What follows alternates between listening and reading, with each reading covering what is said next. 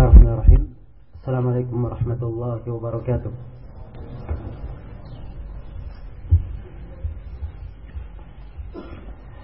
إن الحمد لله نحمده ونستعينه ونستغفره ونعوذ بالله من شرور أنفسنا وسيئات أعمالنا. من يهده الله فلا مضل له ومن يضلل فلا هادي له. أشهد أن لا إله إلا الله وحده لا شريك له وأشهد أن محمدا عبده ورسوله. يا أيها الذين آمنوا اتقوا الله حق تقاته ولا تموتن إلا وأنتم مسلمون. يا أيها الناس اتقوا ربكم الذي خلقكم من نفس واحدة وخلق منها زوجها وبث منهما رجالا كثيرا ونساء واتقوا الله الذي تساءلون به والأرحام إن الله كان عليكم رقيبا. يا أيها الذين آمنوا اتقوا الله وقولوا قولا سديدا.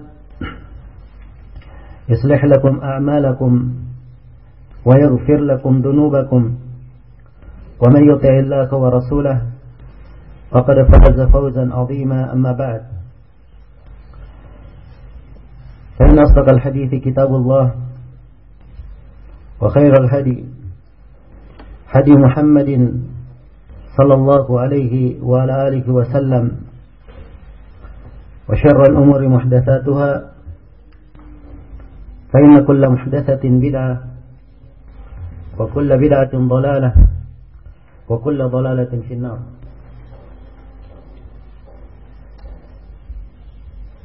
Hadirin sekalian yang saya hormati dan saya muliakan. Tema pembahasan kita pada hari ini Sebagaimana yang telah dimaklumi Adalah Al-Manhajiyah Fi Talabil Ilm Metode atau manhaj Di dalam menuntut ilmu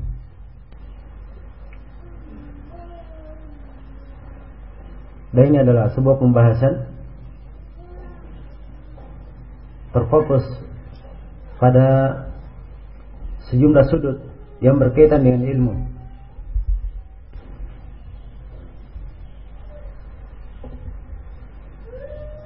Yang pembahasan tentang ilmu itu sendiri adalah pembahasan yang sangat luas.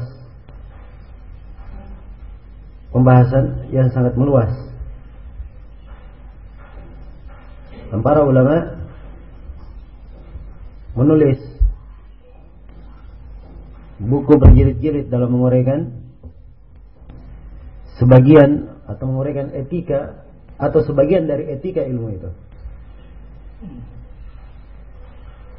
Kadang diuraikan dari ilmu keutamaannya, fadilahnya, dan kadang diuraikan dari ilmu bagaimana cara mengambil ilmu tersebut. Kadang diuraikan dari ilmu cara menyampaikannya. Kadang diuraikan dalam pembahasan ilmu etika seorang murid.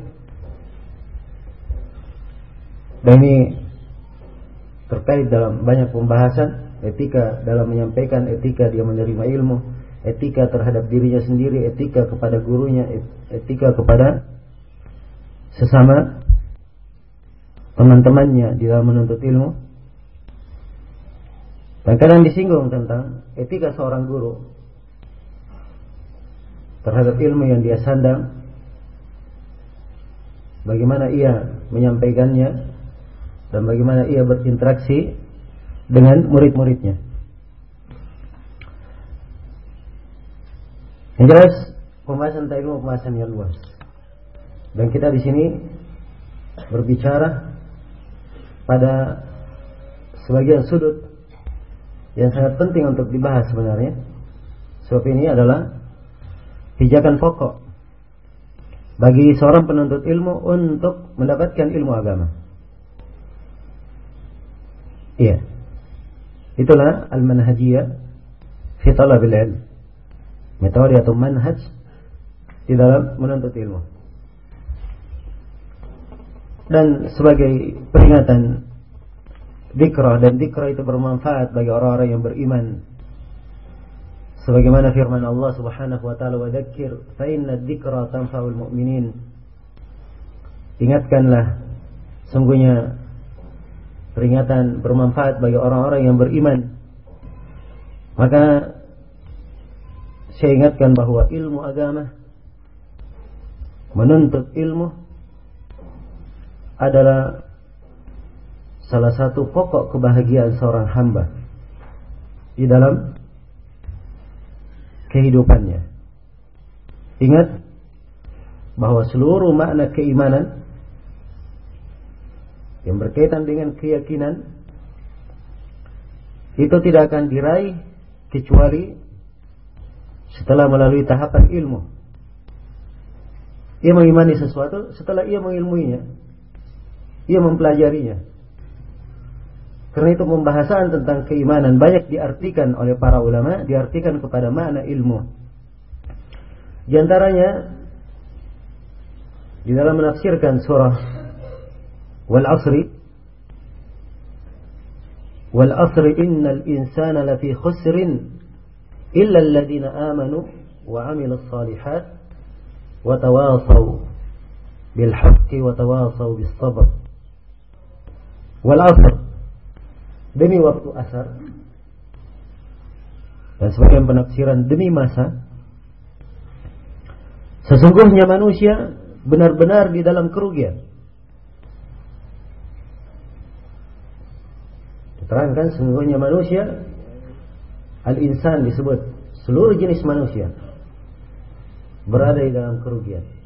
Seluruhnya. Dan diperkecualikan di sini empat golongan. Illa alladhina amanu. Yang pertama kecuali orang-orang yang beriman. Iya. Bagi menafsirkannya kecuali orang-orang yang berilmu. Wa amil salihat, beramal salih. Wa tawasaw bil haqqi saling bernasihat dengan yang hak. Ini dakwah di jalan Allah wa tawasaw sabr dan saling bernasihat di dalam kesabaran. Di dalam kesabaran. Iya. Maka ini menunjukkan keutamaan ilmu bahwa ilmu itu dan menuntut ilmu agama merupakan salah satu sebab keberuntungan yang menyelamatkan seseorang dari kerugian. Dan Allah Subhanahu wa taala berfirman menjelaskan keutamaan yang lainnya, "Man 'amila salihan min dzakarin aw untha wa huwa mu'min, falanuhyiyannahu hayatan thayyibah wa lanajziyannahum ajrahum bi ahsani ma kanu ya'malun." Siapa yang beramal salih dari laki-laki maupun perempuan dan dia adalah seorang yang mukmin ya ingat sampai ke derajat keimanan melalui tahapan ilmu. Dan dia adalah seorang yang mukmin maka sungguh kami akan memberikan kepadanya kehidupan yang indah kehidupan yang baik. Dijamin untuknya kebahagiaan hidup dengan ilmu tersebut Iya. Dan ini adalah ciri kebaikan umat. Ciri kebaikan umat. Karena yang tercatat di dalam sejarah Rasulullah wasallam dan sejarah para khulafa ar-rasyidin dan para sahabat Nabi sallallahu alaihi wasallam serta para imam yang datang setelah mereka adalah bagaimana mendidik umat untuk tafakkuh terhadap agama. Memahami dan mendalami agama. Iya. Tanpa pendalaman terhadap agama, tidak akan tercipta sebab-sebab keamanan, sebab-sebab kebahagiaan, sebab-sebab keberuntungan, tidak akan tercipta. Ini di antara letak pentingnya mempelajari ilmu agama. Apalagi secara khusus dalam Al-Quran diterangkan keutamaan yang sangat besar bagi orang-orang yang menyandang ilmu, mempelajarinya. Iya. Di antaranya Allah firman yarfa'illahu alladhina amanu minkum walladhina utul ilma darajat. Allah mengangkat orang-orang yang beriman di antara kalian dan orang-orang yang berilmu. Perhatikan, orang-orang yang berilmu masuk dalam mana keimanan, cuma dikhususkan penyebutannya. Karena dia mempunyai nilai tersendiri. Iya. Allah mengangkat orang-orang yang beriman di antara kalian. Perhatikan, seluruh orang yang beriman pasti dapat kebaikan. Tapi kenapa disebutkan di sini kalimat di antara kalian? Menunjukkan bahwa pengangkatan ini sifatnya khusus. Keutamaan khusus. Demikian pula orang-orang yang berilmu. Mereka akan diangkat darajat, beberapa derajat. Iya. Darajat datang dalam bentuk nakirah. Ya, dia diterangkan apa derajatnya agar supaya mencakup segala derajat yang diperlukan oleh seorang hamba di muka bumi ini dia dapatkan dengan ilmu. Dan derajat tidak diterangkan apakah ini di dunia atau di akhirat sebab seluruhnya akan didapatkan oleh orang-orang yang berilmu. Oleh orang-orang yang berilmu. Ya. Di masa terjadi fitnah terjadi kesamaran di tengah manusia yang kokoh di atas sesuatu yang kokoh di atas petunjuk adalah orang-orang yang berilmu. Adalah orang-orang yang berilmu. Allah Subhanahu wa taala berfirman, "Wa yaral ladzina utul ilm anna alladhi unzila ilayka min rabbika huwal haqq wa yahdi ila siratil azizil hamid." Dan orang-orang yang berilmu, mereka lah yang melihat bahwa apa yang diturunkan kepada engkau Nabi Muhammad itu adalah sebuah kebenaran. Iya. Yang membawa petunjuk kepada jalan Allah yang Maha Perkasa lagi Maha terpuji. Ini konteks ayat ya. Di tengah penjelasan kesamaran yang disampaikan oleh kaum musyrikin meragukan apa yang dibawa oleh Nabi Muhammad sallallahu alaihi wasallam.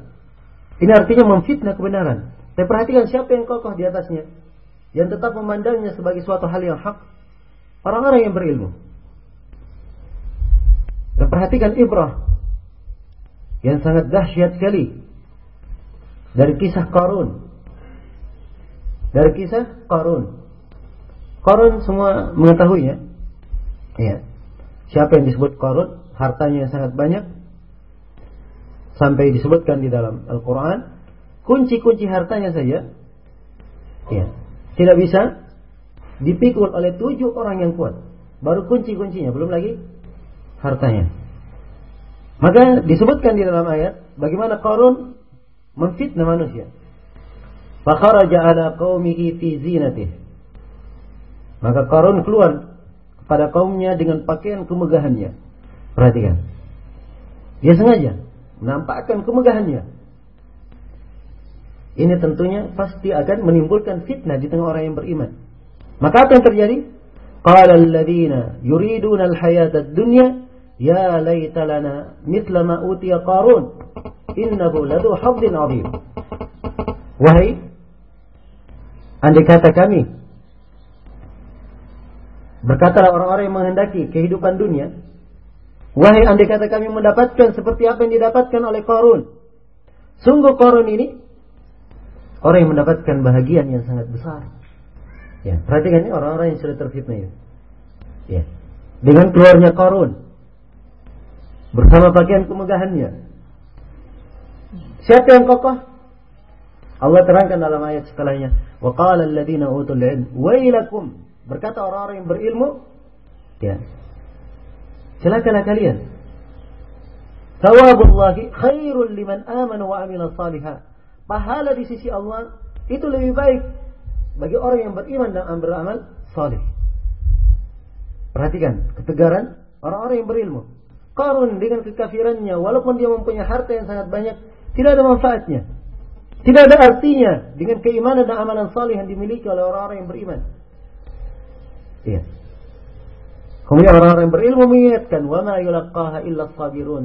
Namun tidak ada yang mampu menerima hal ini kecuali orang-orang yang bersabar.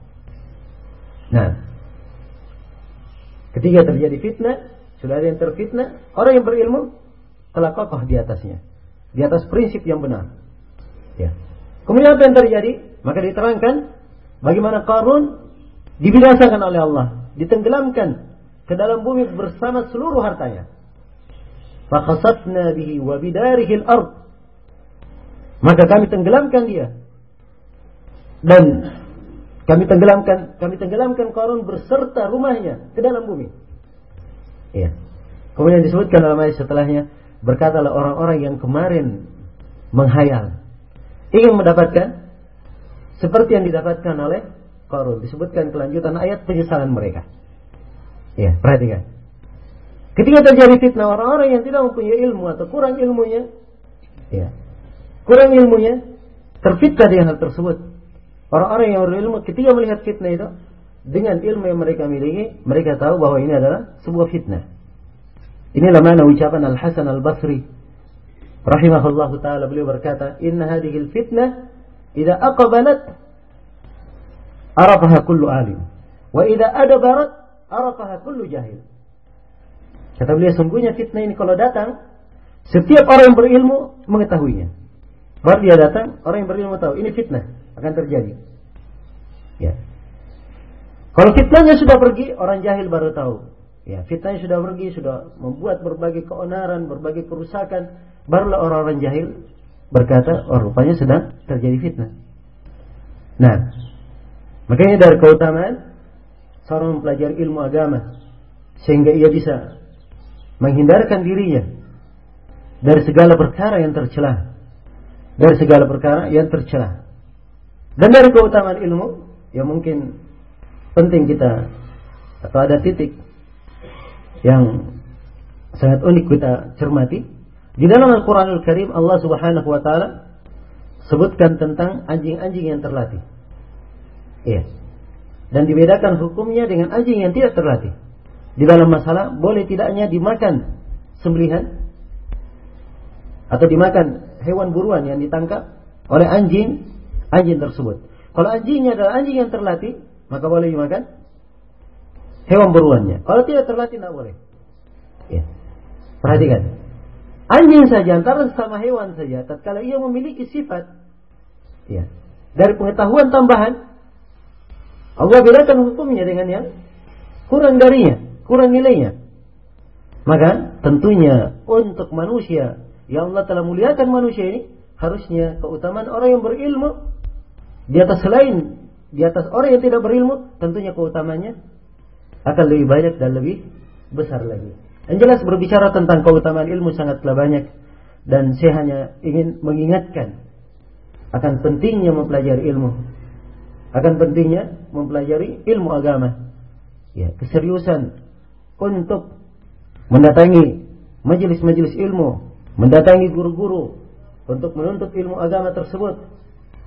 Iya, ini adalah hal yang sangat penting di dalam kehidupan. Tapi ilmu ini, ya, ingat ada jalannya untuk meraihnya. Ada jalannya untuk meraihnya. Ya, sebagaimana ya, banyak perkara kalau tidak diambil dari pintunya, maka perkara tersebut tidak akan didapatkan.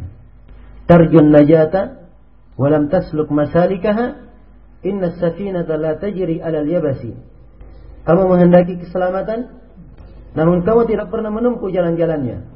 Perahu itu tidak pernah bisa berjalan di atas daratan. Ya. Perahu jalannya di mana? Di atas lautan. Ada jalan yang harus dia tempuh. Supaya ia bisa mendapatkan ilmu tersebut sesuai dengan apa yang dia inginkan dan bermanfaat baginya. Iya. Maka banyak perkara yang hendaknya dijaga oleh seorang penuntut ilmu saya ingatkan di sini sejumlah perkara yang harusnya menjadi dasar-dasar pijakan bagi seorang penuntut ilmu tatkala ia masuk dalam menuntut ilmu. Seorang penuntut ilmu yang paling pertama yang dia jaga pada dirinya iya, dia menjaga keikhlasan. Menjaga keikhlasan di dalam menuntut ilmu agama. Di dalam menuntut ilmu agama. Dan ikhlas itu artinya ia mempelajari ilmu itu hanya karena Allah Subhanahu wa taala. Hanya karena Allah Subhanahu wa taala. Nah, Imam Ahmad rahimahullah taala pernah melihat atau pernah ditanya oleh salah seorang muridnya yang bernama Al-Muhanna Iya. Al-Muhanna bertanya, "Wahai Imam Ahmad, ceritakan kepada saya, ma afdalul a'mal? Amalan apa yang paling afdal?" Maka kata Imam Ahmad, talabul ilm. Menuntut ilmu yang paling afdal. Kultu, kata Muhammad saya berkata, liman? Ya. Penuntut ilmu yang bagaimana? Yang paling afdal ini. Kata beliau, liman sahhat niyatuh. Bagi siapa yang benar niatnya. Jadi menuntut ilmu yang paling utama adalah bagi siapa yang benar niatnya.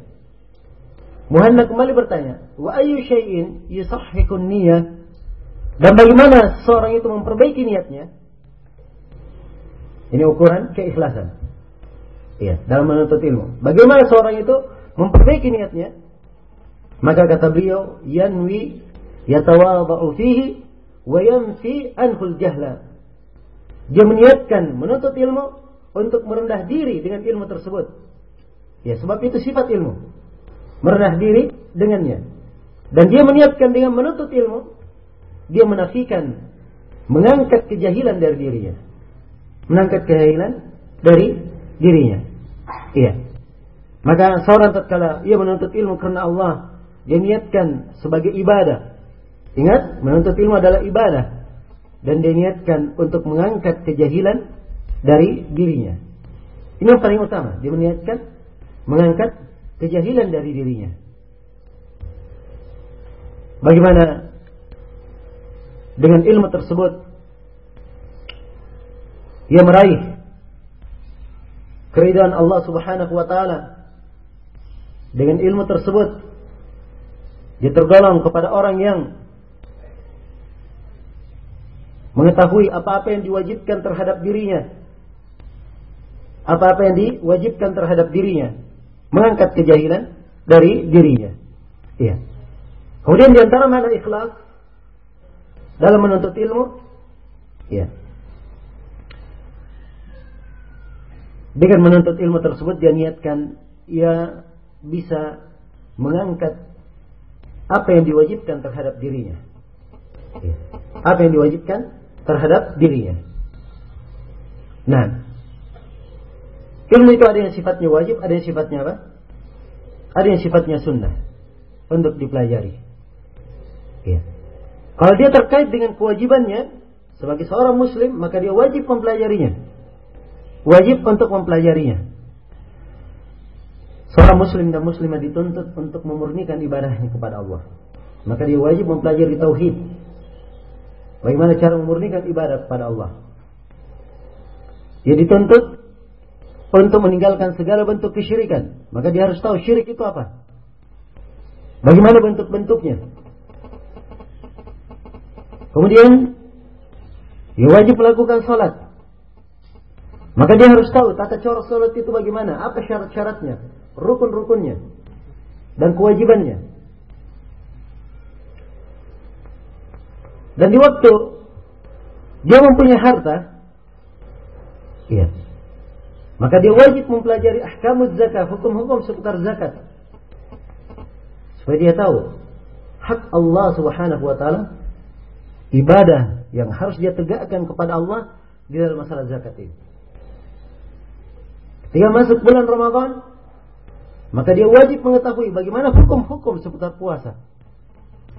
Hukum-hukum seputar puasa. Ketika Allah memberikan kemampuan kepadanya untuk melaksanakan ibadah haji, maka ia wajib untuk mengenal dan mempelajari hukum-hukum seputar ibadah haji. Iya. Maka demikian ilmu tersebut. Ia berusaha untuk mengangkat makna yang wajib, hal yang diwajibkan terhadap dirinya. Selain daripada itu, itu adalah masuk ke dalam ilmu yang disunnahkan. Ilmu yang disunnahkan. Dan kadar kewajiban ini ini beraneka ragam. Uh, cabang pembahasannya. Iya.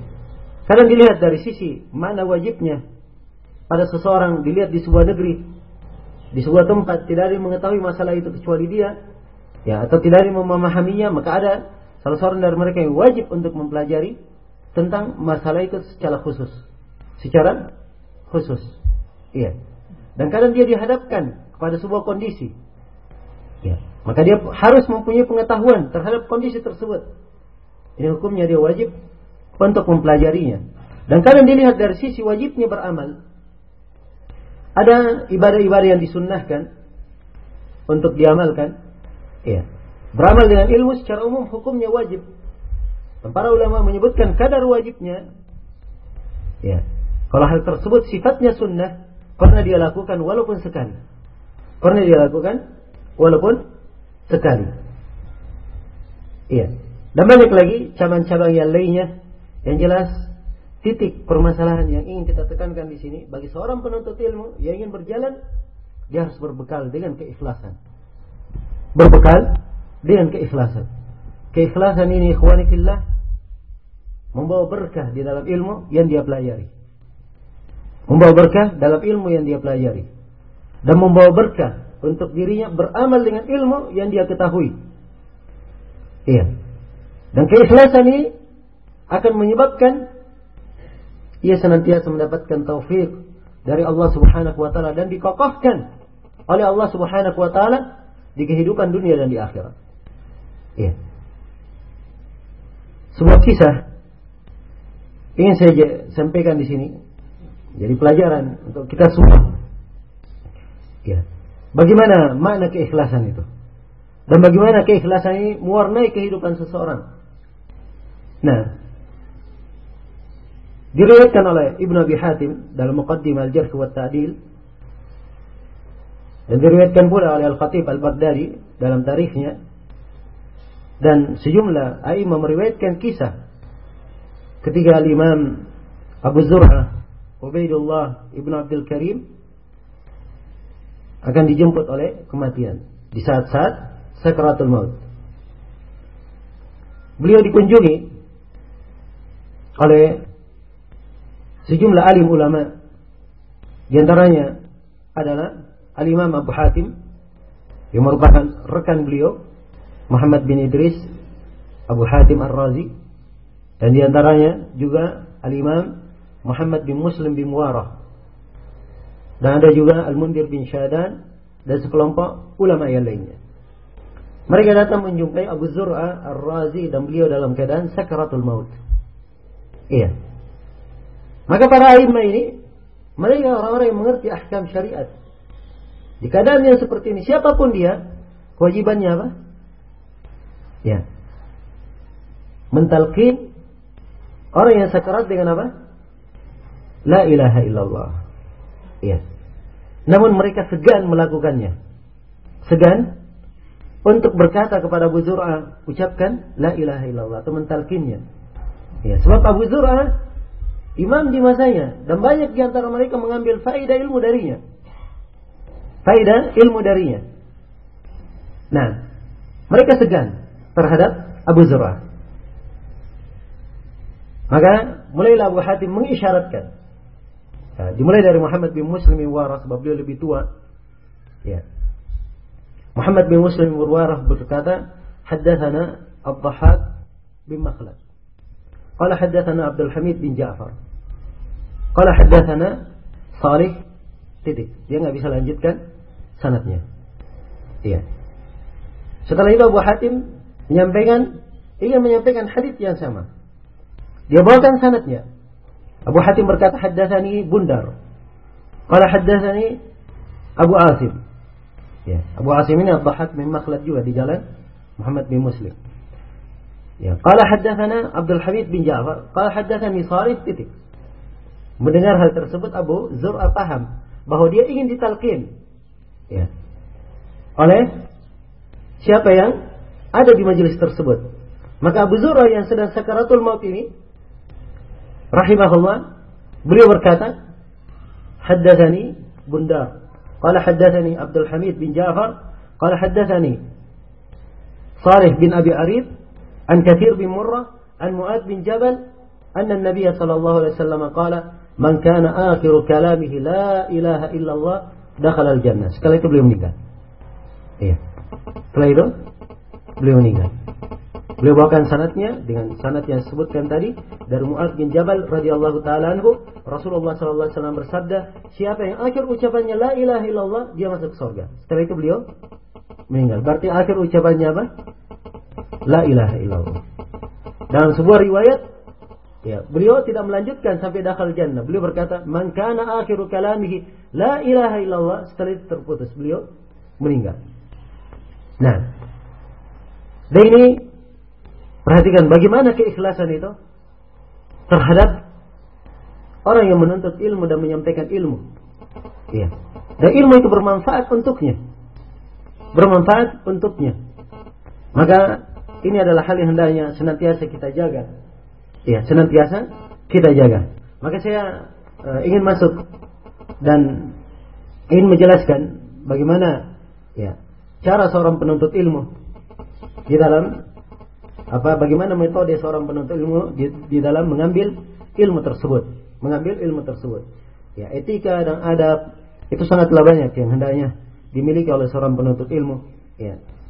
Mungkin kalau masih ada kesempatan kita akan terangkan sedikit di akhir insya Allah. Tapi yang paling penting di sini saya akan terangkan bagaimana cara dan metode dalam menuntut ilmu.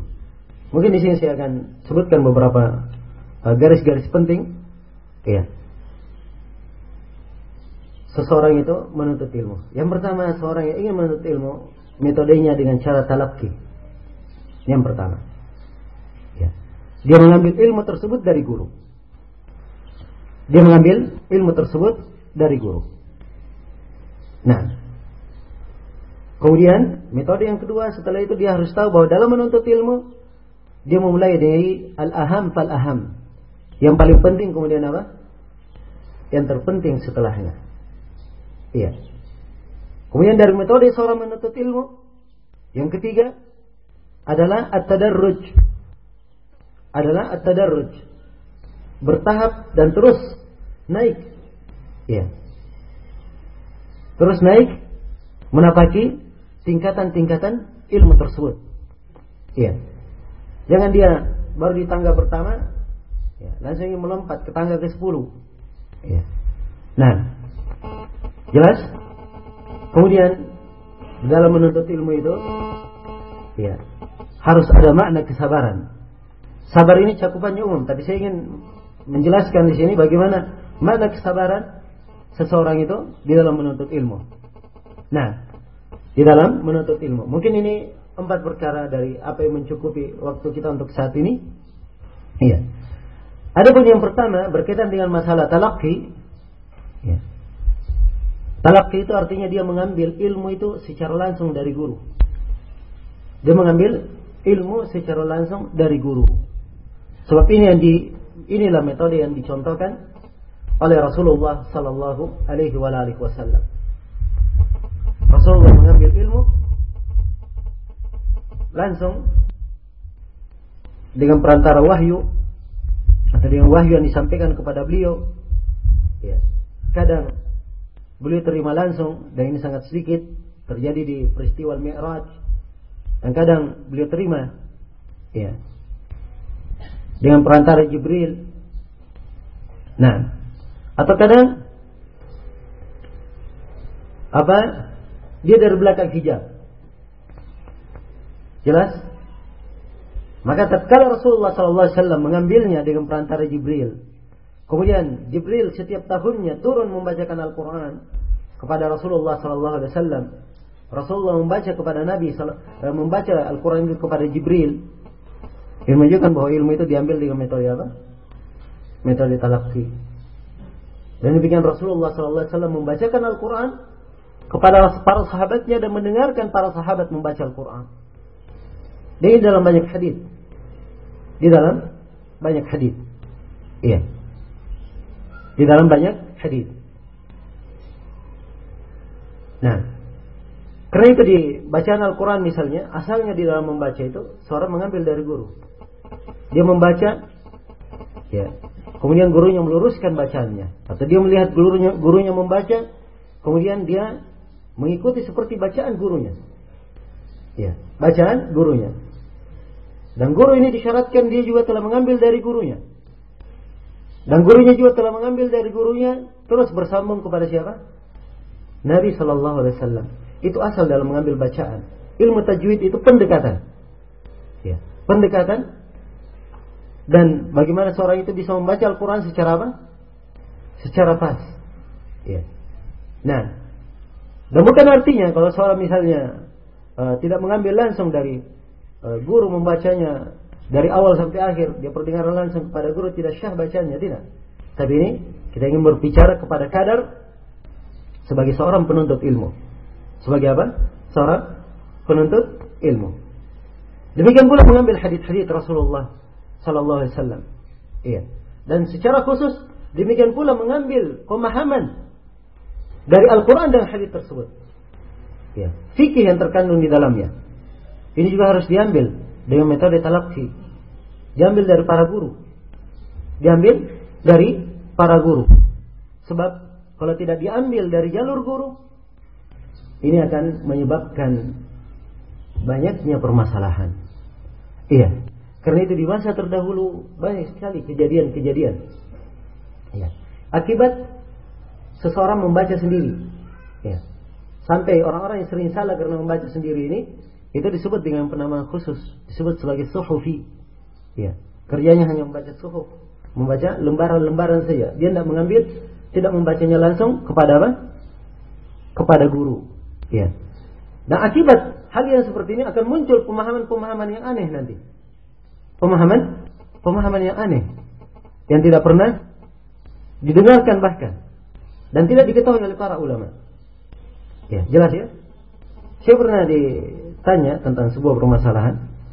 Nah, saya tidak ingin menyinggung langsung dari permasalahan ini, cuman ah, terdapat dalamnya ibrah yang ingin saya ceritakan di sini.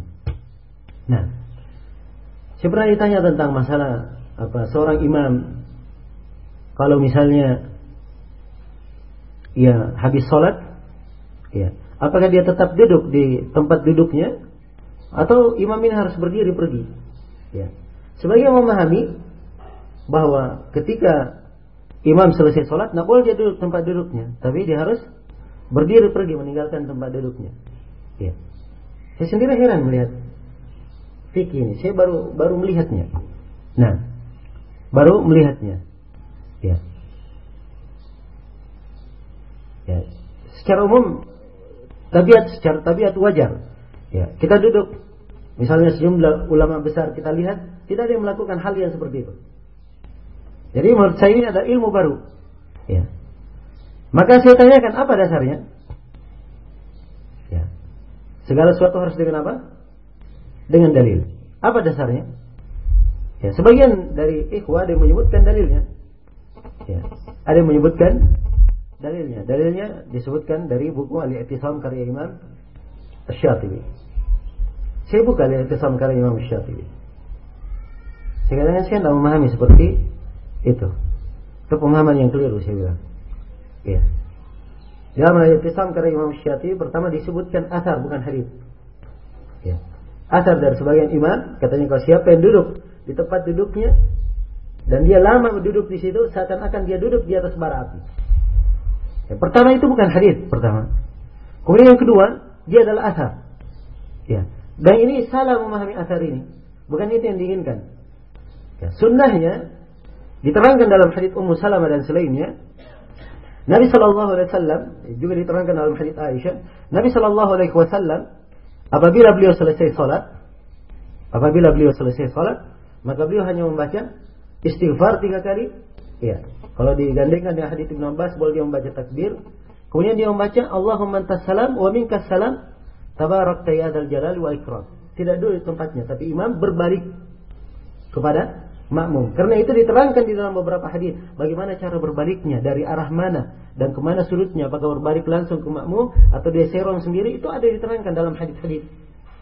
Ya, andai kata langsung berdiri meninggalkannya, maka tidak perlu ada hadis-hadis itu menjelaskan ke arah mana Rasulullah menghadap.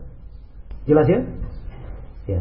Maka saya katakan bahwa yang saya pahami dari hadis ini, ya, yang saya pahami, Sunnahnya seorang ketika selesai salam, dia nggak boleh lama duduk. Tapi dia bergeser ke arah makmum. Itu maknanya. Dan ini mana ucapan imam tersebut. Seakan-akan dia duduk di atas bara api. Sebab itu menyelisih sunnah. Harusnya dia berbalik ke mana? Ke makmum. Tapi bukan artinya dia meninggalkan masjid. Itu yang saya pahami.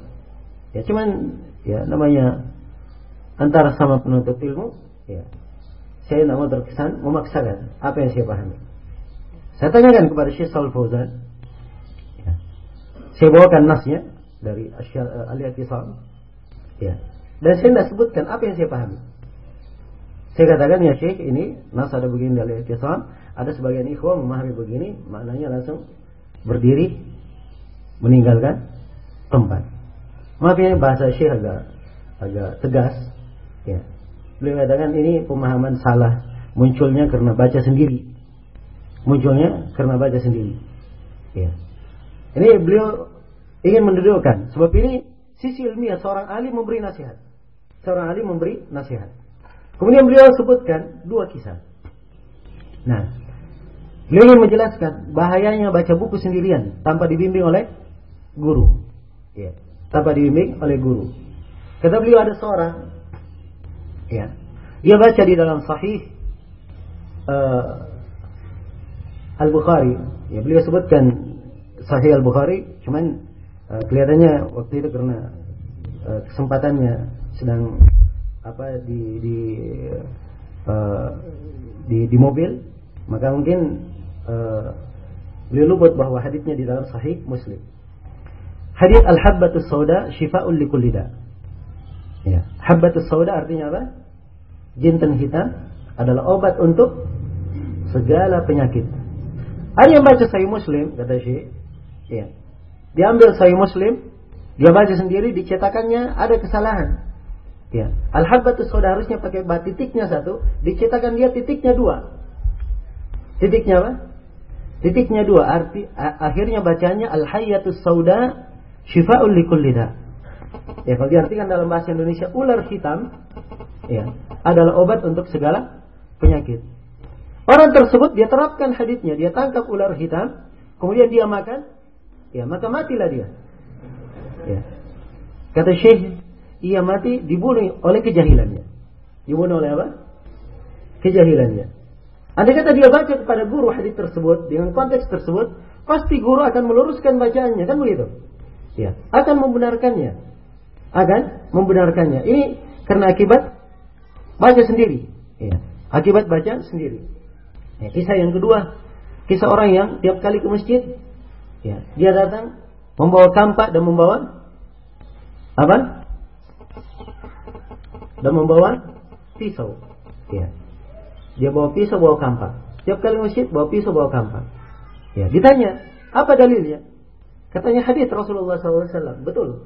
Dan hadisnya riwayat Bukhari dan Muslim yang disebutkan dengan konteks yang salah. Ya.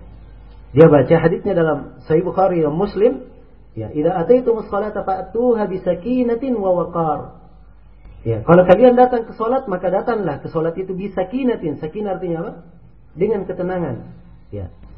Dan waqar dengan tidak tergesa-gesa. Tidak tergesa-gesa. Ini hadisnya oleh dia dicetakannya, dibaca, "Idza ataitum as-salata fa'tuha bisikinin." Ya. Wa fa'zin. Ya, dibaca begitu. Dan apabila kalian jadi artikan kalau kalian datang ke sholat, datanglah kalian dengan membawa sikin, membawa pisau dan membawa kampak. Makanya tiap kali dia sholat, ya dia bawa pisau dan bawa apa? Bawa kampak. Ini akibat apa? Baca sendiri, tidak mengambil dari guru. Tidak mengambil dari guru. Dan kejadian yang seperti ini di masa ini sangat banyak sekali. Sangat banyak sekali. Ya. Apalagi orang-orang yang ingin dikatakan musaqqaf. Ya, punya banyak pengetahuan mengambil dari sini, mengambil dari sana, hanya diambil ujung-ujungnya saja. Hanya diambil ujung-ujungnya. Ya. Dan dia tidak mengetahui hakikat permasalahannya. Ketika membahas masalah tersebut secara uh, detail, akhirnya jatuh di dalam kesalahan. Dan ini metode yang salah dalam menuntut ilmu agama. Metode yang salah dalam menuntut ilmu agama. Membaca buku adalah hal yang bagus dan dianjurkan. Ya, bagus dan dianjurkan. Tapi sebelum dia membaca, dia harus punya kaidah-kaidah yang dengannya dia mampu membaca sendiri. Dan apabila dia mendapatkan permasalahan, hendaknya dia bertanya kepada orang-orang yang berilmu, orang-orang yang berilmu. Jelas ya? Ya, karena itulah dalam pembahasan ilmu sebagaimana mungkin yang saya akan uh, jelaskan. Misalnya seorang ingin membaca sendiri, paling tidak kalau dia ingin membaca fikih, ya, dia telah membaca fikih tersebut dari awal sampai akhir walaupun ringkasannya. Dia telah baca kepada seorang guru dan mengambilnya. Ya, mengambilnya dari seorang guru supaya tidak salah pemahamannya. Ya, dalam ringkasan. Jelas? Setelah itu dia ingin meluas, tidak ada masalah dia meluas. Sebab dasarnya telah dia miliki. Dasarnya telah dia miliki. Ini misalnya dalam pembahasan fikih. Apalagi di pembahasan akidah. Di dalam pembahasan akidah yang berkaitan dengan keyakinan. Ya. Maka ini harusnya diambil dari guru-guru yang menjelaskannya. Setelah dia memegang dasar-dasarnya, ya silahkan dia masuk ke dalam tahapan tahapan yang lainnya. Baik, maka ini dasar yang sangat penting sekali. Mengambil ilmu itu dari guru. Dan mengambil ilmu dari guru sangat banyak sekali manfaatnya. Sangat banyak manfaatnya. Di antara manfaat tersebut, ya, di antara manfaat langsung mengambil dari guru. Yang pertama, ya, guru itu akan meringkas jalan ilmu untuknya. Akan meringkas jalan ilmu untuknya. Ya. Nah, ini keutamaan seorang guru. Dia misalnya baca dalam buku fikih. Ya, dia baca dalam fikih apakah dalam fikih madahib maupun fikih hadis. Dia baca hadis-hadis yang banyak. Dia baca buku-buku madhab. Belum tentu dia bisa memberikan kesimpulan dari seluruh yang dia baca. Kan begitu? Sekarang misalnya dia baca tentang cara cara wudhu. Ya. Dia baca ayat, dia baca hadis, dia baca berbagai syarahnya, keterangannya. Ya. Kesimpulannya akan disimpulkan rukun wudhu ada sekian. Rukunnya adalah ini, ini, ini, ini. Misalnya, diterangkan. Ya. Kesimpulan ini belum tentu dia bisa simpulkan dengan membaca sendiri. Walaupun ketika guru menerangkan, dia paham kesimpulan, semua yang disebut oleh guru. Tapi belum tentu dia bisa menyimpulkannya. Maka di sini letak, ya, apa manfaat seorang itu langsung mengambil dari guru. Ya, seberi contoh lagi misalnya yang sekarang banyak dibahas e, tentang pembagian orang kafir misalnya. Pembagian orang kafir. Itu sangat jarang di dalam buku-buku terdahulu. Ada menyebutkan bahwa kafir terbagi empat. Langsung disebut. Kafir dimi, kafir mustamin, kafir mu'ahad, kemudian kafir harbi. Ya. Pembagian kafir yang diambil dari mana? Itu ada pembahasannya. Dalam bab jihad ada bab khusus tentang masalah ad-dhimma. Dalam ahkamnya, dalam masalah dhimma ini khusus, Ibnu Qayyim menulis dua jilid buku. Ya. Jelas? Ada masalah al-mu'ahadah, masalah al-aman. Ini dalam pembahasan jihad juga. Iya. Dalam pembahasan jihad. Iya. Kemudian ada yang berkaitan uh, aman sudah kita singgung, al-mu'ahadah juga telah kita singgung. Ya. Kemudian pembahasan umum secara jihad menunjukkan ada dari kafir yang diperangi, ini memberikan kesimpulan. Dia duduk membaca kitabul jihad dari awal sampai akhir ini perlu waktu. Ya. Perlu waktu. Mungkin dia akan memakan beberapa hari bahkan mungkin beberapa bulan untuk membacanya dan memahaminya. Ya, dia duduk kepada seorang guru, guru menyimpulkan bahwa orang kafir itu terbagi empat. Orang kafir terbagi empat. Dia mendapat ringkasan penjelasan dalam beberapa menit yang kalau dia baca sendiri akan memakan waktu berhari-hari. Iya, waktu berhari-hari. Dan itu pun kalau dia baca dengan waktu yang berhari-hari tanpa guru, mungkin saja dan kemungkinan salahnya akan lebih besar. Jelas sampai sini? Baik. Kemudian di antara faidah seorang itu langsung mengambil dari guru, ya. Cepatnya idrak. Cepatnya seorang itu memahami. Cepatnya seorang menangkap apa yang disampaikan. Ya, ini faidah yang kedua. Nah, seorang yang membaca kadang dibacanya dia baca ini kemudian ini, dia nggak bisa hubungkan antara masalah ini kemudian masalah berikutnya yang diterangkan di dalam buku tersebut. Tapi tatkala seorang guru menjelaskannya, ya, dari penjelasan guru, ya, banyak-banyak dia bisa segera memahami masalah tersebut. Kemudian di antara hal yang sangat penting sekali, duduk. Ya. Dan di antara manfaat seorang mengambil langsung dari guru agar supaya apa terjalin hubungan antara murid dan guru. Ya. Hubungan dalam makna kasih sayang antara murid dan guru, ya. di mana Rasulullah Sallallahu Alaihi Wasallam bersabda, ar-rahimuna yarhamuhumur rahman. Ya. Yarhamu man fil ard, yarhamkum man fis sama. Ar-rahimuna orang-orang yang saling merahmati, Allah Ar-Rahman akan merahmati mereka. Akan merahmati mereka. Irhamu man fil ard, rahmatilah siapa yang ada di muka bumi. Ya. Niscaya yang berada di langit akan merahmati kalian. Ini hadis ya. Di dalam majelis-majelis apa uh, tahdid dalam majelis-majelis para ulama yang memberikan sanad-sanad periwayatan, jalan-jalan periwayatan yang bersambung kepada Nabi sallallahu alaihi wasallam. Hadis yang pertama mereka perdengarkan kepada murid kalau ingin mengambil sanad, ini adalah hadis ini. Hadis yang saya bacakan tadi. Ya. Supaya semuanya tahu bahwa ilmu itu dibangun di atas apa? Dibangun di atas rahmat. Dibangun di atas rahmat. Nah, dan ini hadis ya disebutkan dengan nama al-silsilah al-awwaliyah. Itu yang paling pertama disampaikan. Ya. Sebab sang guru ketika menyampaikannya dia berkata haddatsani fulan dan ini adalah awal hadis yang saya dengar dari dia. Gurunya juga berkata, menceritakan kepada saya guru saya, dan itu adalah awal hadis yang saya dengar dari dia. Jelas ya? Dan silsilah ini bersambung, ya. Dan sampai sekarang sanatnya masih terjaga. Ya, alhamdulillah saya apa namanya uh, juga punya sanatnya di majelis sebagian guru memberi ijazah tentang sanat tersebut. Yang jelas ini perlu diperhatikan bahwa hubungan antara murid dan guru dalam hal talaki adalah hal yang penting. Kemudian juga harus diketahui dari etika as-salaf. Ya, memperhatikan adab di dalam menuntut ilmu. Adab di dalam menuntut ilmu. Karena itu di majelis-majelis ilmu yang besar, ya, di majelis-majelis ilmu yang besar, ya ada disebut dengan nama majelis imla. Disampaikan imla tentang apa? Riwayat-riwayat. Biasanya namanya imla orang-orang apa? Menulis. Tapi ternyata di majelis tersebut ada yang menundukkan kepalanya, menunjukkan dia apa? Sedang menulis. Dan ada yang hanya melihat kepada guru saja. Melihat kepada guru. Ini menunjukkan bahwa di majelis ini ada dua tingkatan. Ada yang tingkatannya dia sudah sampai ke tahap menulis dan menghafal. Ada yang tingkatannya dia hanya hadir di majelis ingin memperhatikan etika dan adab dari guru. Ya, hanya mengambil apa? Etika dan adab dari guru.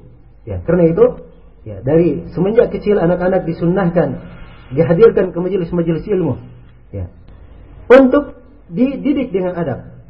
Artinya ya, dididik dengan adab ini bukan artinya dibiarkan berkeliaran ribut, tapi dengan dihadirkan di majelis ilmu dilatih untuk bagaimana ia beradab dengan etika ilmu sehingga tertanam kejiwaan ilmu di dalam dirinya. Sampai Ibnu Mubarak berkata, saya mempelajari adab 30 tahun. Ya. Mempelajari adab 30 tahun, belajar hadis 20 tahun. Ya. Mempelajari hadis berapa? 20 tahun. Nah, namun di masa ini ya etika dan adab ini sangat kurang sekali. Ya. Dan kita mohon kepada Allah Subhanahu wa taala pengampunan dan maaf atas kekurangan kita dalam hal ini. Sehingga kadang kita tidak menunaikan Hak dari ilmu tersebut tidak menunaikan hak seorang guru dan tidak menunaikan hak bagaimana ia berada dalam sebuah majelis ilmu. Berada di dalam sebuah majelis ilmu. Nah, baik ini di antara manfaat dan faedah seorang itu mengambil ilmu dari guru. Kemudian yang kedua, pembahasan yang kedua yang ingin saya jelaskan bahwa ilmu itu dimulai dari al-aham fal-aham. Diambil yang paling penting, kemudian yang terpenting setelahnya. Yang paling penting dan yang terpenting setelahnya. Kalau dia dihadapkan dengan banyak ilmu, ya, maka harusnya dia ambil yang paling penting untuknya, kemudian yang terpenting setelahnya. Ya. Ingat ya, saya sudah terangkan bahwa ilmu itu ada yang wajib dipelajari dan ada apa? Ada yang sunnah. Ada yang sunnah. Maka seorang misalnya dia jangan masuk ke dalam ilmu yang sifatnya disunnahkan sebelum dia memfokuskan dirinya mempelajari apa yang diwajibkan terhadap dirinya apa yang diwajibkan terhadap dirinya. Kalau dia belajar apa yang diwajibkan sambil dia belajar apa yang disunnahkan, ya itu mungkin boleh saja. Mungkin boleh saja. Jelas ya? Maka dia harus mulai dari al-aham fal-aham. Yang paling penting, kemudian terpenting setelahnya. Ya, dan mungkin di masa ini kita mengalami kesulitan karena sedikitnya orang-orang yang mengajarkan ilmu syariat dengan cara yang benar, ya. Sehingga kadang kita mendatangi seorang guru, ya, Ya, guru sudah sampai ke pembahasan pertengahan kitab, ada orang-orang yang baru datang. Ya, nah mungkin guru ini tiap kali ada orang yang baru datang diulang lagi kitabnya dari awal kan begitu. Ya, kitabnya harus diselesaikan dahulu. Harus diselesaikan dahulu. Maka bagi siapa yang baru datang, ya, bagi siapa yang baru datang, dia ingat kaidahnya bahwa dia masuk di dalam majelis ini banyak manfaat yang bisa diambil. Ya, banyak manfaat yang bisa diambil. Ya, pertama dia kadang mengambil dari pengetahuannya dan kadang dia mengambil dari etika dan adabnya. Ini dia serap. Kemudian dari ilmu yang dia dapatkan, kadang ada ilmu yang bisa dia pahami, ya. dan kadang ada ilmu yang belum dia pahami. Makanya harusnya semuanya dia catat. Semuanya dia apa? Dia catat. Yang dia pahami maupun yang belum dia pahami dia catat. Sebab yang belum dia pahami suatu saat ketika dia sudah berlalu, dia buka kembali catatannya, ia insya Allah Taala akan memahami apa yang telah dia catat. Jelas ya? Sehingga Ya, di dalam menuntut ilmu tersebut dia tidak berlalu begitu saja, ya, menghabiskan umurnya. Ya, sekian lama ya, dia berjalan, apalagi apalagi eh, kadang pengajiannya bertahun-tahun, ya. Berlalu dan kadang seorang merasakan seakan-akan berlalu begitu saja tidak ada yang melekat di dalam ingatannya. Nah, maka harus mulai dengan al-aham fal-aham. Yang paling penting kemudian yang terpenting setelahnya. Ya. Dan ini mungkin saya akan lebih rinci lagi di pembahasan yang ketiga. Yaitu al-indiraj. Ya, seorang itu bertahap. Bertahap menaiki jenjang-jenjang ilmu. Menaiki jenjang-jenjang ilmu. Ya. Cabang-cabang ilmu agama itu banyak. Cabang-cabang ilmu agama itu banyak. Ya. Dan seseorang yang ingin mempelajari ilmu agama atau orang yang ingin mempelajari ilmu agama itu juga beraneka ragam ingin beraneka ragam. Ada orang yang mempelajari ilmu agama misalnya, dia siap untuk mengkhususkan dirinya. Fokus dalam ilmu agama. Iya. Ada orang yang masuk mempelajari ilmu agama, dia hanya ingin mengambil kadar-kadar yang diwajibkan terhadap dirinya saja. Iya. Dia lainnya dianggap sebagai perkara yang dia senang untuk menghadirinya dan mendengarkannya, bukan untuk ya betul-betul menguasainya. Jelas? Ya. Beda antara dua keadaan ini. Maka setiap dari dua keadaan ini ada tahapan-tahapan dan tingkatan-tingkatannya. Ya. Yang jelas misalnya di dalam Al-Quran. Al-Quran itu apa batasan wajibnya? Ya, batasan wajibnya. Nah, kata para ulama, batas wajibnya seorang membaca Al-Quran yang pertama dia pandai membaca Bismillahirrahmanirrahim, pandai membaca Al-Fatihah. Ya, jelas? Dan satu surah bersamanya. Satu surah bersamanya. Ini kalau dia sudah hafal hal ini, itu terangkat batas kewajiban. Sebab ini yang dia pakai di mana? Di dalam salatnya. Itu yang dia pakai di dalam salatnya. Iya. Kalau dalam salatnya dari yang dia baca, ya. maka dia akan salat dalam keadaan darurat. Akan salat dalam keadaan apa? Darurat hanya membaca tasbih dan tahmid. Ya. Jelas ya? Maka dia harus pandai membaca Al-Quran dengan kadar yang kita sebutkan tadi. Dari kadar keyakinan, dia mengambil dari keyakinan tersebut apa yang dengannya benar ibadahnya kepada Allah Subhanahu wa taala dan terjaga dirinya. Ya, tidak jatuh di dalam kesyirikan. Nah, tidak jatuh di dalam kesyirikan. Ya, saya mungkin bisa merinci ya apa tahapan-tahapan Ya, misalnya buku-buku yang perlu di apa dipelajari, disebutkan nama-nama bukunya, mungkin saja kita bisa ya, menyebutkan hal tersebut. Tapi ini ya, perlu waktu. Saya globalkan bahwa asalnya seorang ketika membaca, belajar dia mulai dari ringkasan-ringkasan. Ya. Sebab ilmu itu ada yang merupakan ringkasan, sekedar kesimpulan dari ilmu. Ya, tahapan keduanya tahapan mulai mengembangkan kesimpulan. Ya. Tahapan yang ketiga adalah tahapan menguraikan silang pendapat. Menguraikan silang pendapat. Ya mungkin di antara uh, eh, apa namanya uh, susunan yang sangat bagus, misalnya tartibnya Ibnu Qudamah rahimahullah. Ya, tartib Ibnu Qudamah. Beliau punya ringkasan matan Ibnu Qudamah. Kemudian setelah itu beliau naik matan ini beliau rinci dengan ucapan dari satu arah saja, dari satu imam atau dari satu apa e, dari satu kaul dari satu pendapat ya Kemudian beliau naik setelah itu menjelaskan buku ucapan para ulama di dalam satu madhab itu saja. Dalam satu madhab itu saja. Kemudian tahapan berikutnya barulah ada fikih mukarana. Ucapan apa merinci masalah di dirinci antara pendapat madhab ini, pendapat madhab dan madhab-madhab yang lainnya. Ya, jelas ya? Orang yang baru belajar, ya, misalnya dia langsung naik ke tingkatan keempat, kira-kira apa yang terjadi? Hah? Dia baru belajar misalnya tiba-tiba masuk di dalam masalah ini ada 10 pendapat. Pendapat yang pertama dalilnya ini, pendapat yang kedua dalilnya ini, ya, pendapat yang kedua ya, memandang dalil yang pertama lemah dari sisi ini, ya, alasannya ini, ya.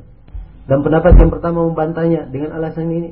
Orang masuk seperti ini belajar, dia tidak bisa sampai kepada kesimpulan. Jelas?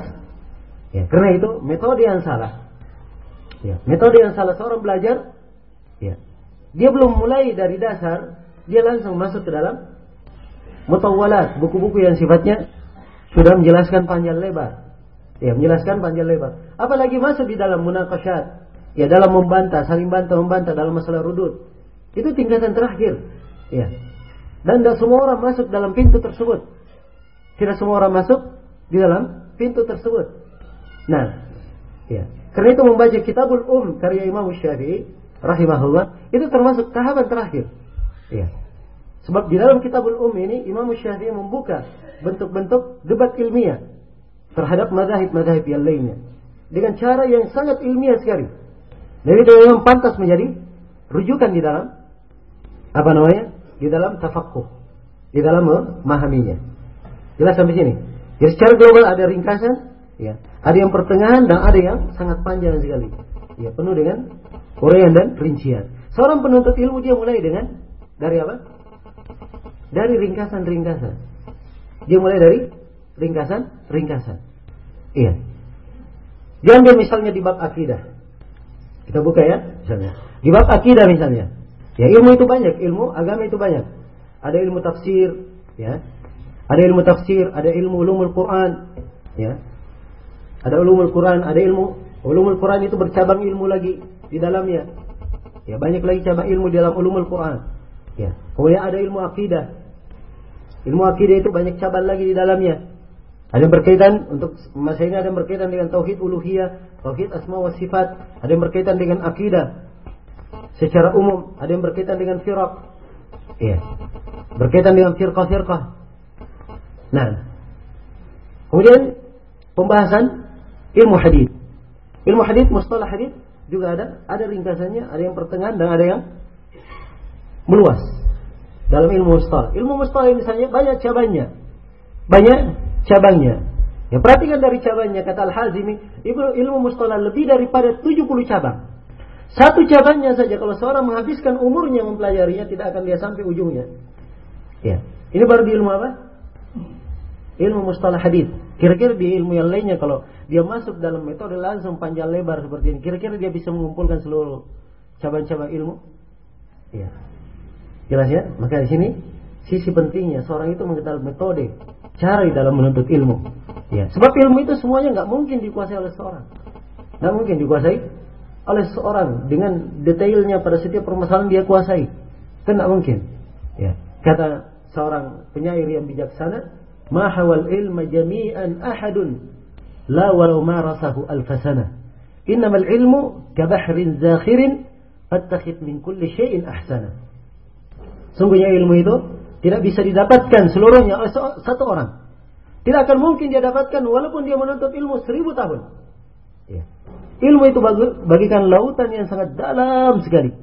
Ya. Maka kata penyair yang bijaksana ini, ambillah dari segala sesuatu yang paling baiknya. Yang paling baiknya. Ya.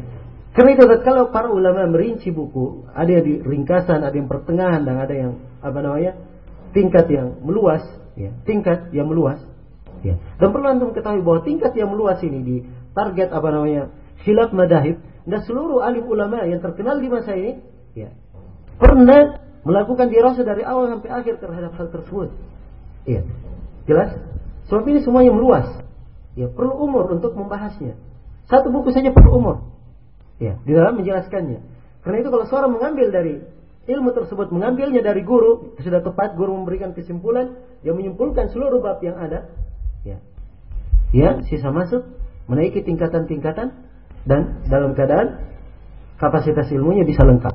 Ya, dia masuk merujuk dan apa namanya merinci, ya pembahasan. Kalau ada yang dia sulit di dalam memahaminya, maka dia boleh bertanya kepada orang-orang yang mumpuni keilmuannya di dalam hal tersebut. Ya. Maka harus ada tahapan-tahapan dan tingkatan-tingkatan. Tahapan-tahapan dan tingkatan-tingkatan. Nah, ya sekarang yang paling penting bagi kita di halaqah umum, ya sifatnya umum, kita penting mengetahui apa yang disebut dengan masalah akidah. Dan yang paling penting yang kita ketahui yang keduanya berkaitan dengan masalah ahkam atau fikih. Ya. Kemudian yang ketiga yang paling penting kita ketahui apa yang berkaitan dengan Al-Quran. Ini tiga hal ya, bagi manusia secara umum. Ya, bagi seorang penuntut ilmu, ya dia tentunya memerlukan ilmu-ilmu alat. Ilmu-ilmu alat untuk menguasai tiga hal ini. Sebab memang dasarnya ilmu itu Al-Quran dan Hadis kan begitu. Al-Quran dan Hadis Rasulullah Sallallahu Alaihi Wasallam. Ilmu-ilmu akidah semuanya adalah penjabaran dari Al-Quran dan Hadis Rasulullah Sallallahu Alaihi Wasallam. Ada ilmu alat untuk sampai mempelajarinya. Seorang yang menafsirkan Al-Quran. Ada ilmu tafsir. Ya. Ada ulum tafsir. Ya. Ada ulum, ulum tafsir. Dia harus tahu tentang an-nasi wal mansuh. Dia harus tahu tentang kiraat. Ya, dia harus tahu membedakan antara al-makki dan al-madani. Makkiyah, ayat-ayat makkiyah, surah makkiyah dan surah madaniyah. Iya. Kemudian dia harus tahu maqasidus suar. Ya. Maksud dari as-suar. Kemudian dia harus tahu ya apa namanya tanasuk antara ya ayat-ayat ya sehingga memudahkan dia di dalam menafsirkannya di dalam memahaminya dia harus tahu asbabun nuzul harus tahu asbab an-nuzul ya ini misalnya di ilmu tafsir dia perlu ilmu alat ilmu alat ini ya ini kepada orang yang ingin masuk dalam pendalaman yang lebih dalam lagi ya tapi secara umum manusia memerlukan tiga ilmu ilmu tafsir ya berkaitan dengan penafsiran Al-Quran Kemudian yang kedua berkaitan dengan akidah. Kemudian yang ketiga berkaitan dengan apa namanya? fikih terhadap agama. Fikih terhadap agama ini kalau dalam penjabarannya ada fikih dari hadis dan ada fikih dari ringkasan madhahib. Jelas ya? Ringkasan madhahib. Maka diambil ringkasan-ringkasan dalam hal ini. Diambil dan seorang memprogramkan untuk dirinya membaca dan menyelesaikan buku. Ya, menyelesaikan buku. Jangan baru baca awalnya ya. Oh saya sudah kuasai ini. Mukaddimahnya saya sudah baca. Ya. Mukaddimahnya saya sudah baca. Sebab orang yang sekarang ini yang ingin uh, dikenal banyak pengetahuan, ya caranya mudah. Diambil buku, dia lihat judulnya. Oh, judulnya adalah ini. Penulisnya apa? Penulisnya adalah ini. Dia masuk melihat, pertama lihat daftar, dilihat mukaddimahnya. Ya. Penulisnya menginginkan ini dalam bukunya. Ya. Selesai mukaddimah, setelah selesai baca mukaddimah, dilihat daftar isinya. Ya, daftar isinya adalah ini. Oh ya sudah. Tutup bukunya. Saya sudah kuasai buku ini. Ya. Saya sudah kuasai buku ini. Ini namanya takafah, sekedar pengetahuan. Ya, bukan tidak bermanfaat, ada manfaatnya. Dia mengetahui seperti itu. Tapi itu bukan pendidikan ilmiah menanamkan ya, malaka ilmiah, pembawaan ilmiah pada seseorang. Ya. Metode yang seperti itu diperlukan nanti apabila dia sudah memiliki malaka ilmiah. Sehingga kalau lewat di, pada dirinya sebuah pembahasan, dia tahu membahas masalah ini ke mana. Walaupun di saat itu dia tidak bisa menjawab, ya. Tapi dia tahu bahwa untuk mencari jawaban masalah ini ke mana dia mencarinya dia tahu. Ya. Dengan metode pengetahuan seperti itu. Itu bukan dasar di dalam menuntut ilmu. Karena itu ikhwani fillah, ya. Yang perlu kita perhatikan di dalam belajar, ya saya sekarang berbicara dan saya tahu bahwa kebanyakan ikhwah ya kaitannya ingin mengambil hal-hal yang sifatnya apa? Ya, sifatnya siap dan diamalkan. Kan begitu? Ya. Maka seorang mengambil dalam hal ini dasar-dasar, tahapan-tahapan. Ya, tahapan-tahapan. Dia memberikan target untuk dirinya. Sekarang kalau dianggap hadir di halaqah-halaqah ilmu tidak cukup. Tiap pekan misalnya baru dia hadir uh, di satu majelis sebab karena ada sebagian ikhwan yang mengeluhkan. Saya hadir di pekan ini, pekan berikutnya saya sudah lupa pelajaran yang kemarin. Ya. Atau buku ini dikaji karena setiap pekan, ya, dan buku ini perlu lima apa 20 kali pertemuan, akhirnya pembahasannya setiap pekan bisa setengah tahun selesainya. Kan begitu, hampir setengah tahun. Ya kalau seperti ini akan lama. Apa mungkin apa yang dia ambil di empat bulan lalu sudah dia lupakan pada empat bulan yang akan datang. Nah di sinilah dituntut seorang penuntut ilmu pandai bagaimana ia menguasai buku tersebut. Ya, ada fokus, ada target. Ya, ada target yang harus dia pahami. Ya, ada target yang harus dipahami. Kita memaklumi tabiat manusia. Manusia itu senangnya dengan apa? Hal-hal yang baru dia kenal. Kan begitu? Ya, kalau ada yang menarik, ada ini, dia datang segera. Dia datang segera. Tapi ini kadang melalaikan seorang dan mengeluarkannya dari jalur ilmiah. Harusnya dia memperkuat pondasinya, memperkuat pondasinya. Kalau pondasinya sudah kuat, ya, bagus pondasinya, maka dia membangun bangunan di atasnya, ya, bangunan itu akan kokoh. Ya, dan bangunan tidak akan mudah dia membangunnya. Tapi kalau pondasinya tidak ada, ya, tiba-tiba dia ingin membangun, ya, ini akan sulit. Dia membangunnya dari mana? Di mana cara meletakkannya? Ya, jelas. Kemudian kalaupun bangunan itu jadi, mungkin Sebentar lagi tertiup angin akan jatuh bangunan tersebut. Ya. Maka harus ada fondasi dan metode yang kuat di dalam mempelajari ilmu tersebut. Maka ambil misalnya dari tafsir. Ya. Kalau ingin baca tafsirnya, maka ambil ringkasan tafsir. Sekarang apa? Buku tafsir yang biasa. Apa surah-surah yang biasa dibaca? Biasanya manusia membaca juz apa? Juz amma. Maka dia berusaha nargetkan dia melihat guru, dia membaca juz amma. Ya. Kemudian diberikan untuknya penafsiran yang ringkas terhadap juz amma tersebut. Apa makna-makna ayatnya? Dia punya terjemahannya, punya terjemahannya. Ya, terjemahan itu bukan artinya apa? Menunjukkan ya, makna keseluruhan pada ayat. Jelas ya? Atau makna yang terwakili dari ayat. Penerjemahan itu hanya mendekatkan penerjemahan makna ayat. Ya. Penerjemahan makna ayat. Itu pun dari banyak buku-buku terjemahan. Ya. Ada apa terjemahan-terjemahan yang keliru. Ya. Dan kekeliruan di dalam terjemahan Al-Quran ini, ini tidak diketahui kecuali kalau dia duduk dengan guru. Ya, dia duduk dengan guru. Ya. Jelas ya? Seperti misalnya sekarang yang banyak kita saksikan. ya, kaum muslim membaca terjemahan. Ya, kalau banyak yang dipegang, kalau dibagi di ini, uh, cetakan Departemen Agama, terjemahan Al-Quran, cetakan Departemen Agama, yang apa dikoreksi oleh Muhammad Hasbi Siddiq dan banyak lagi yang kemudian cetakan ini yang di menjadikan cetakan standar untuk penerjemahan Al-Quran yang diterbitkan oleh Saudi Arabia. Ini termasuk cetakan yang paling bagus. Walaupun ada beberapa kesalahan di dalam penerjemahan. Ya, seperti menafsirkan ibtigha wajhi rabbika, ya, mencari wajah Rabbmu ditafsirkan dengan dengan apa? Mencari keridhaan Rabbmu. Ini sudah salah dalam penafsiran. Ya, jelas ya? Di dalam penerjemahan dia sudah salah sebab dia memalingkan mana kepada makna yang ya bukan diinginkan di dalam ayat dan itu adalah pemahaman keliru di dalam apa? E, di dalam keyakinannya, di dalam keyakinannya. Atau penafsiran yang kurang detail misalnya. Seperti istiwa ditafsirkan bersemayam. Ya. Apa diterjemahkan apa? Bersemayam. Ar-Rahman alal arsy istawa. Ar-Rahman di atas arsy beristiwa. Kalau kita lihat terjemahan, Ya, Ar-Rahman bersemayam di apa? Di atas arsh. Ini penerimaan yang tidak detail. Ya. Tidak detail. Jelas ya? Sebab kata uh, bersemayam dalam bahasa Indonesia itu mengarah kepada mana duduk. Mana duduk di atas apa? Sesuatu. Jelas ya? Dan duduk, kata duduk ini, ini tidak ada di dalam mana istiwa. Tidak ada dalam mana apa? Mana istiwa.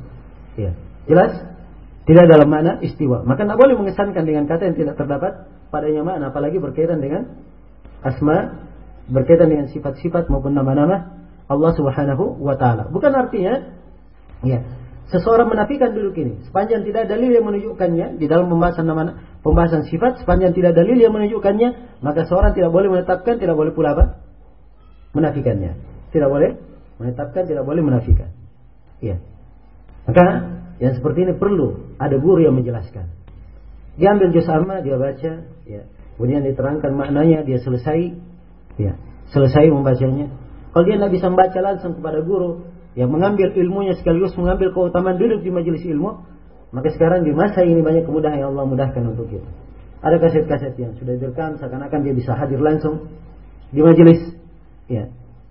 Walaupun bedanya dia tidak bisa bertanya. Ya, kalau misalnya ada permasalahan yang dia permasalahkan dia tidak bisa langsung bertanya. Namun ini bisa ditambal. Ya dengan luasnya fasilitas telepon menelpon. Ya. Jelas ya? Komunikasi yang sangat uh, luas dan dimudahkan. Ya. Seorang mudah untuk memperdalam ilmunya dalam hal ini. Iya. Kemudian kalau misalnya dia masuk ya ke dalam ilmu akidah. Ya, sekarang tafsir juz amma ingin dia baca tafsir Al-Qur'an seluruhnya, diambil misalnya tafsir yang paling ringkas. Ya, tafsir yang paling ringkas. Dan mungkin di tahapan yang pertama tafsir Syekh Abdurrahman bin Nasir As-Sidi itu adalah ringkasan yang paling apa? bagus sekali dalam ya hal ini. Ringkasan yang paling bagus sekali dalam hal ini. Sebab beliau adalah seorang alim ahli tafsir yang telah diakui. Yang telah diakui. Nah, kemudian kalau dia masuk misalnya dalam pembahasan akidah, dia mengambil buku-buku yang dasar.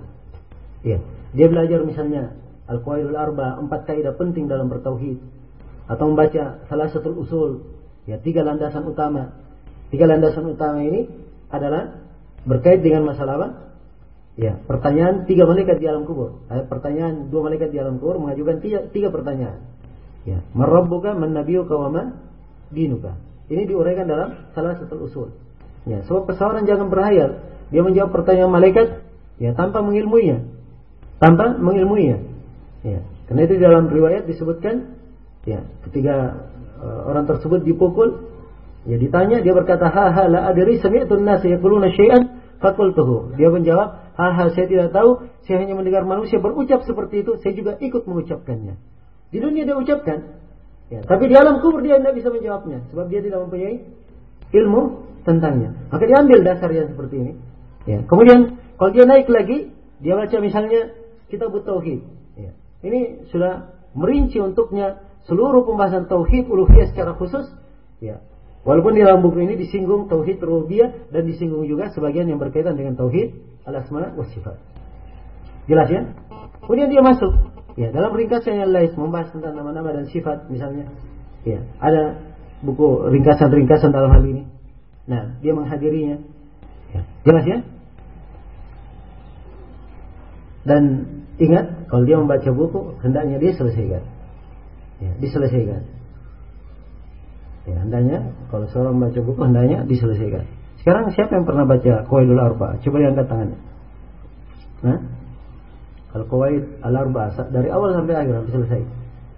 Ya, satu. Masa orang?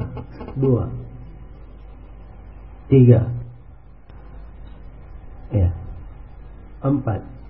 Lima. Mungkin masih banyak ya? Ya, mudah-mudahan masih banyak. Ya. Jelas ya? Salah satu usul. Ya.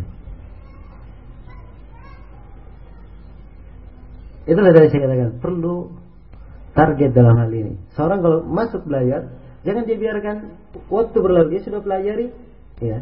Jangan terputus. Jangan terputus. Ini hal yang berkaitan dengan kebaikan dirinya sendiri. Kebaikan dirinya sendiri. Jelas ya? Demikian pula masuk dalam fikih. Ambil ringkasan dalam fikih misalnya. Ambil ringkasan dalam fikih. Anggaplah kita kasih ringkasan yang juga terkenal di kalangan orang Indonesia, buku-buku Imam Syaukani. Ya. Ada ringkasan Imam Syaukani, Ad-Dur al-Bahiyah. Durar al-Bahiyah. Ini ringkasan bagus. Atau yang biasa terkenal di Indonesia misalnya, Matan Abu Syuja. Di mazhab Syafi'iyah. Tidak ada masalah. Baca Matan Abu Syuja. Dari awal sampai akhir, tidak ada masalah. Sebab membaca madhab, matan fikih itu bukan artinya dia bermadhab, bukan artinya begitu. Ya, jelas ya? Kalau membaca ringkasan madhab untuk taasub kepada madhab itu salah. Hal yang seperti itu salah. Tapi kalau dia membaca ringkasan madhab, ya, untuk tertib ilmi menyusun apa suasana ilmu yang tersusun rapi itu bagus. Ya, hal yang terpuji sebab memang tertib madhab seperti itu. Karena itu mereka sebutkan rukun wudhu misalnya di madhab Hambaliyah ada enam misalnya. Ya, kewajiban wudhu ada ini misalnya. Diterangkan. Rukun solat misalnya ada menyebutkan 13, ada menyebutkan 14 misalnya. Atau wajibatus salat ada menyebutkan tujuh, ada yang menyebutkan ya tergantung apa ada pembahasan di dalam masalah. Ya. Jadi uh, dia melihat di dalam satu madhab, ya. Dalam satu madhab, dia tidak berpindah ke madhab yang lain. So, kalau dia berpindah dalam madhab lain akan bingung. Ini sudah masuk dalam apa? Memperbandingkan. Tapi kalau dia mengarah di satu madhab, dia akan tahu ya pendapat di madhab tersebut. Ya. Dan di sini keunikan seorang guru. Guru itu ketika menjelaskannya, dia memakai buku madhab ini bukan untuk diikuti 100%, tapi diikuti dengan dalilnya. Karena itu kalau ada dalil yang menyelisih madhab, dia akan terangkan bahwa yang benarnya begini. Yang benarnya adalah begini. Jelas ya? Maka di hendaknya seorang targetkan mengambil apa buku-buku yang ringkas ini. Kemudian di hadis, di fikih hadis, misalnya, seorang perlu membaca Umdatul Ahkam. Ya, ini ringkasan. Umdatul Ahkam. Ya, dia membaca ringkasan. Nah, kalau dia lebih daripada itu, baca Bulughul Maram. Ingin lebih daripada itu, silahkan dia baca Muntakal Akhbar yang disyarah dengan nama Nailul Autar.